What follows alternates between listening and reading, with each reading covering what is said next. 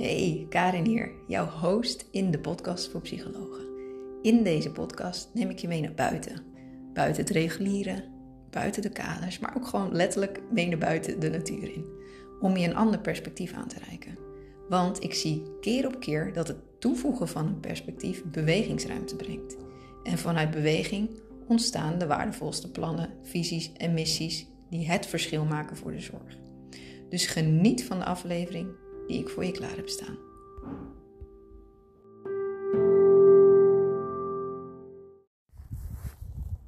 Goedemorgen. Voor mij is het een goede morgen, een goede frisse morgen. Ik zit dan ook weer met mijn, uh, met mijn kraakjas aan. Ik hoop niet dat je er heel veel last van hebt, maar die heb ik wel nodig, want het is best wel fris, mistig, dauwig, dampig. en dus nog lekker vroeg in de ochtend. Uh, en ik zit op het Leersumse veld.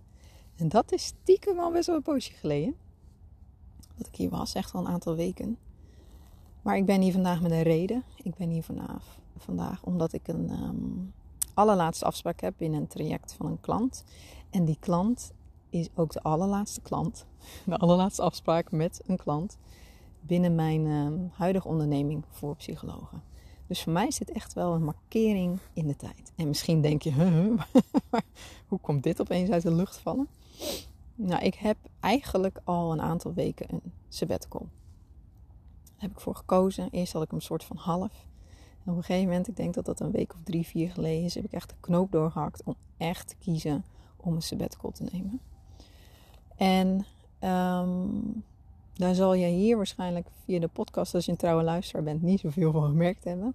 Want ik voel dat ik de podcast juist heel stabiel wil door laten gaan. Omdat ik het heel tof vind om al uh, allerlei perspectieven met jou te delen. En stiekem. Is dat stiekem? Nee, dat is niet stiekem. Maar ik ontvang zelf ook ontzettend veel uit deze podcast. Het delen van de nieuwe perspectieven, mijn nieuwe inzichten, maakt dat ik, um, dat ik vaak tijdens het vertellen ook weer een ander inzicht zeg maar, terugkrijg. En ik vind het onwijs tof om uh, reacties te horen van mensen en daardoor weer in gesprek te raken. En ja, ik heb echt het gevoel dat um, de podcast, ja, eigenlijk een soort van de, de verbinding is tussen het oude en het nieuwe, waar ik mij tussen bevind. Ik heb het al eerder gehad in een andere podcastaflevering over liminal space. Ik bevind me vol in liminal space. Hè. Het, het oude is er niet meer, het dient niet meer, maar het nieuwe is er nog niet. En ik heb het gevoel dat de podcast een soort van houvast is. En ook een soort van uh, verbinding is dus tussen het oude en het nieuwe. Dus die loopt gewoon door. Dus wat dat er gaat, ga je niks merken van mijn sabbatical. En toch is het zo dat ik een sabbatical heb. Ik moest net een beetje grinniken op mijzelf. Omdat, um, maar het kan ook een vertekend perspectief vanuit mijn kant zijn. Als mensen met sabbatical gaan, dan zie je, zie ik heel vaak dat ze zeker in de cirkel waar ik mij in bevind, dat ze massaal naar Bali vertrekken. Aan de andere kant van de wereld. En daar, uh, ik weet niet, maar daar veel aan meditatie doen of retretes of yoga of een beetje die hoek, zeg maar. Het interessante is dat ik helemaal geen behoefte heb om naar het buitenland te gaan, om een reis te maken. Um, nee, nou past dat sowieso niet zo bij mij. Mensen die mij beter kennen weten dat ik totaal geen vakantieganger ben. Ik ben gewoon heel graag in Nederland, in de prachtige natuur van Nederland. Maar goed, een sabbatical zal wel echt zo'n moment zijn om je koffer te pakken en uh, voor, uh, voor een poosje zeg maar, een andere kant van de wereld te verkennen. En nogmaals, dat is totaal niet de behoefte die ik heb. Ik wil lekker hier zijn, ik wil lekker thuis zijn. En ook wel in de diepere zin van het woord, ik wil thuis zijn. En ik kan dat um, ik kan dat heel goed. Misschien zelfs wel beter. Als ik gewoon lekker ook thuis ben. Dus niet per se fysiek zeg maar over de wereld heen reis. Um, maar lekker in mijn eigen bubbeltje ben.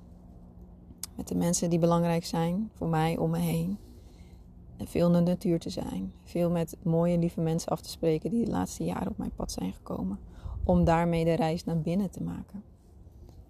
En uh, voor mij is dat een hele vruchtbare avontuurlijke reis ook wel. Maar vooral ook heel vruchtbaar. En dat brengt mij naar um, een perspectief wat ik deze week las in een boek.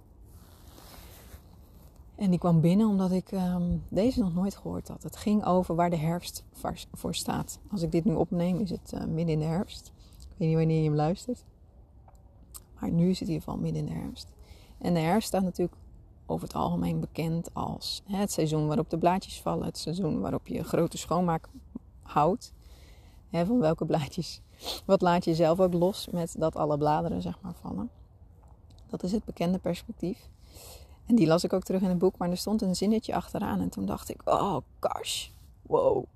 Die komt even binnen, weet je wel. En daar, daar gaat het voor mij, in ieder geval nu in deze herfst, voor mij heel erg over. En daar stond met dat een boom zijn blaadjes laat vallen, keert het terug naar de essentie. Een boom keert in de herfst terug naar zijn of haar essentie. Om dus laat de blaadjes vallen. En eigenlijk blijft alleen een stam over en wat kale takken.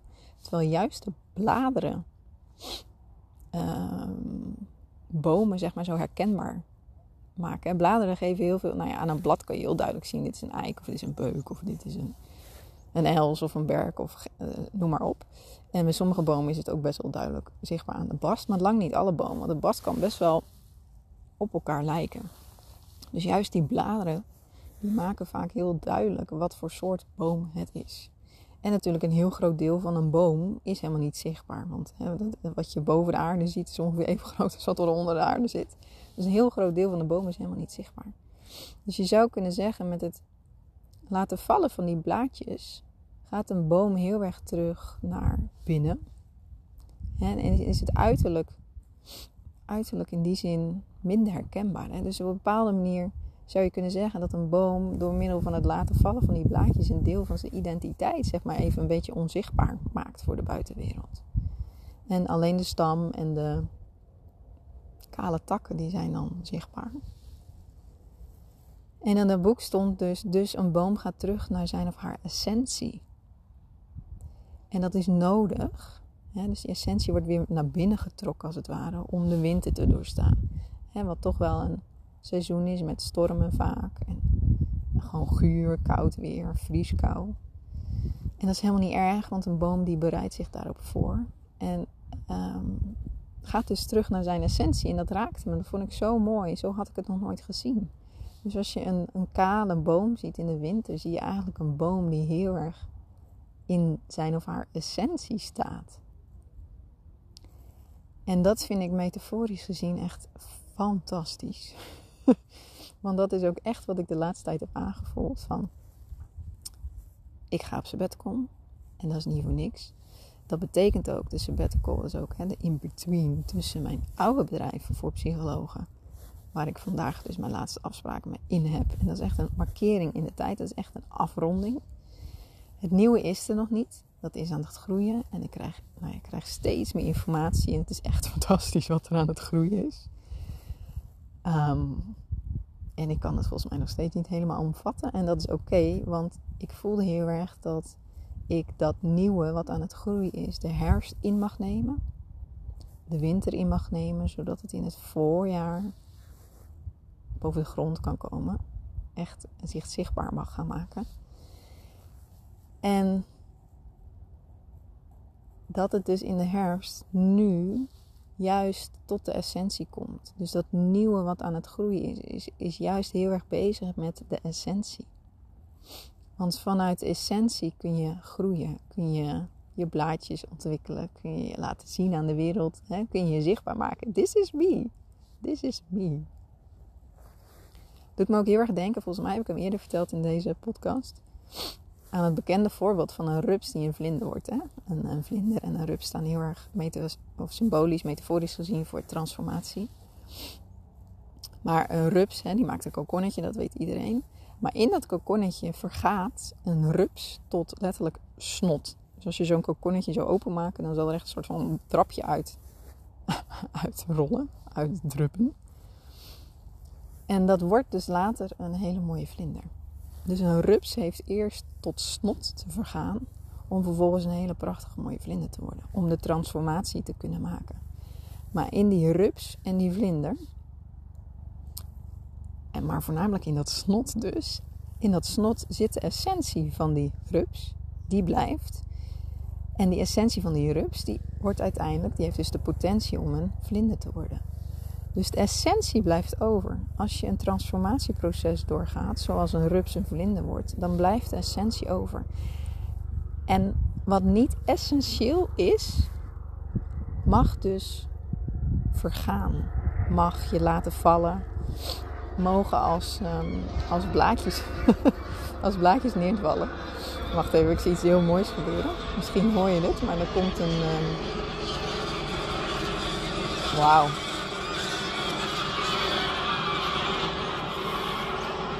Er vliegt een helikopter over. En met dat een helikopter overvliegt, stijgt er een enorme ploeg aan ganzen op. En die maken zo'n hele mooie cirkel zo voor mijn neus. Nou, die kunnen een enorm kabaal maken, zoals je hoort. En die vliegen zo, uh, echt als zo'n wolk weg. Prachtig. Die werden volgens mij even getriggerd door die helikopter die overvloog. Hm. Wat was ik aan het vertellen? In het transformatieproces is het dus heel erg. Mm, blijft er voornamelijk over, of beweeg je volgens mij voornamelijk toe naar wat de essentie is, wat essentieel is. dus wat vanuit het oude essentieel is voor het nieuwe. Uh, maar ook in jezelf. Wat is dan essentieel voor jezelf, in jezelf, van jezelf? Wat mee mag naar het nieuwe? Wat, wat blijft bestaan? Terwijl misschien de, het uiteindelijke, uh, de uiteindelijke vorm of het uiteindelijke wat, uh, wat zichtbaar is, totaal anders is. Zoals bij een rups en zoals bij een uh, vlinder. Maar de herfst gaat daar dus heel erg over. Het seizoen van de herfst is daar heel erg aan gekoppeld. Dus niet alleen schoonmaken, niet alleen je blaadjes laten vallen, loslaten wat je niet meer dient. Maar dus ook die vervolgstap, die diepere stap, komen tot jouw essentie. dus als het uiterlijke vertonen van een boom zeg maar wegvalt en alleen de stam overblijft en de takken bovengronds en natuurlijk ondergronds enorm net, wortelnetwerk, keert een boom terug tot zijn of haar essentie. Om vervolgens vanuit die essentie dus weer nieuwe knopjes te vormen. Want dat is in essentie dan al aanwezig in een boom. Die is gewoon heel erg ehm, levenskracht aan het, ja, hoe noem je dat? Aan het, aan het focussen op het voorbereiden van nieuwe knopjes. Waar uiteindelijk weer nieuwe bladeren uit kunnen groeien en nieuwe vruchten. Maar die, die ja, ik vind dat mooi, het raakt me ook als ik dit zeg. Die is dus zijn levenskracht aan het centreren, dat is volgens mij het woord. Naar waar het in de essentie dus over gaat.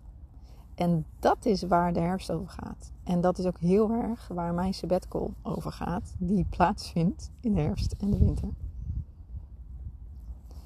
En soms heel frustrerend hoor, want die essentie kan ook echt iets heel ongrijpbaars zijn. En ook lastig om te vangen in woorden. Wat is dat dan, weet je wel? En soms denk ik, vermoed ik, kun je het ook pas achteraf uh, duiden. Zo terugkijkend kun je dan zien, oh ja, dat, daar ben ik doorheen gegaan. Die transformatie is er gaande geweest. En dan was dat de essentie. Ik weet niet of je dat altijd in de gaten hebt als je er middenin zit. En dat maakt het soms lastig. Want het is zo fijn om grip te hebben. Al niet controle. Oh, misschien zelfs ook controle. Al is dat volgens mij een illusie.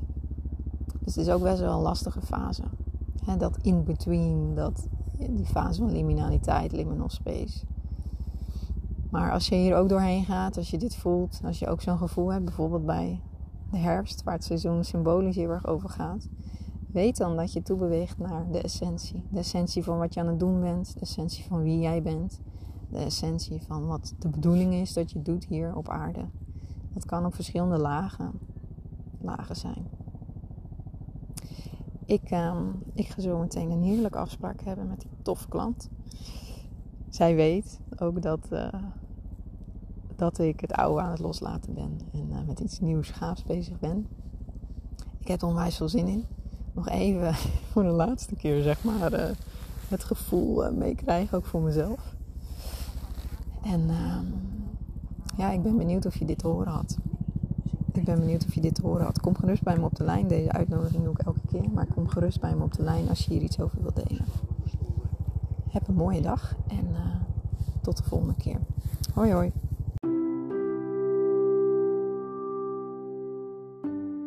Zo, aan het einde van de aflevering kom ik nog even op de lijn, want ik ben benieuwd wat deze aflevering je heeft gebracht. Ik hoor heel graag jouw perspectief, want dat brengt mij weer bewegingsruimte en zo ontstaat de positieve sneeuwbal van inspiratie. En daar word ik gewoon heel blij van. dus deel dit gerust met me door een berichtje te sturen via de socials of mail naar karin.voorpsychologen.com. En voel jij dat wij samen op pad mogen voor jouw proces? Kijk dan even op www.voorpsychologen.com of Instagram voor mijn huidige aanbod. En dan gaan wij binnenkort op een magische reis. Voor nu, heb een hele mooie dag. Hoi hoi.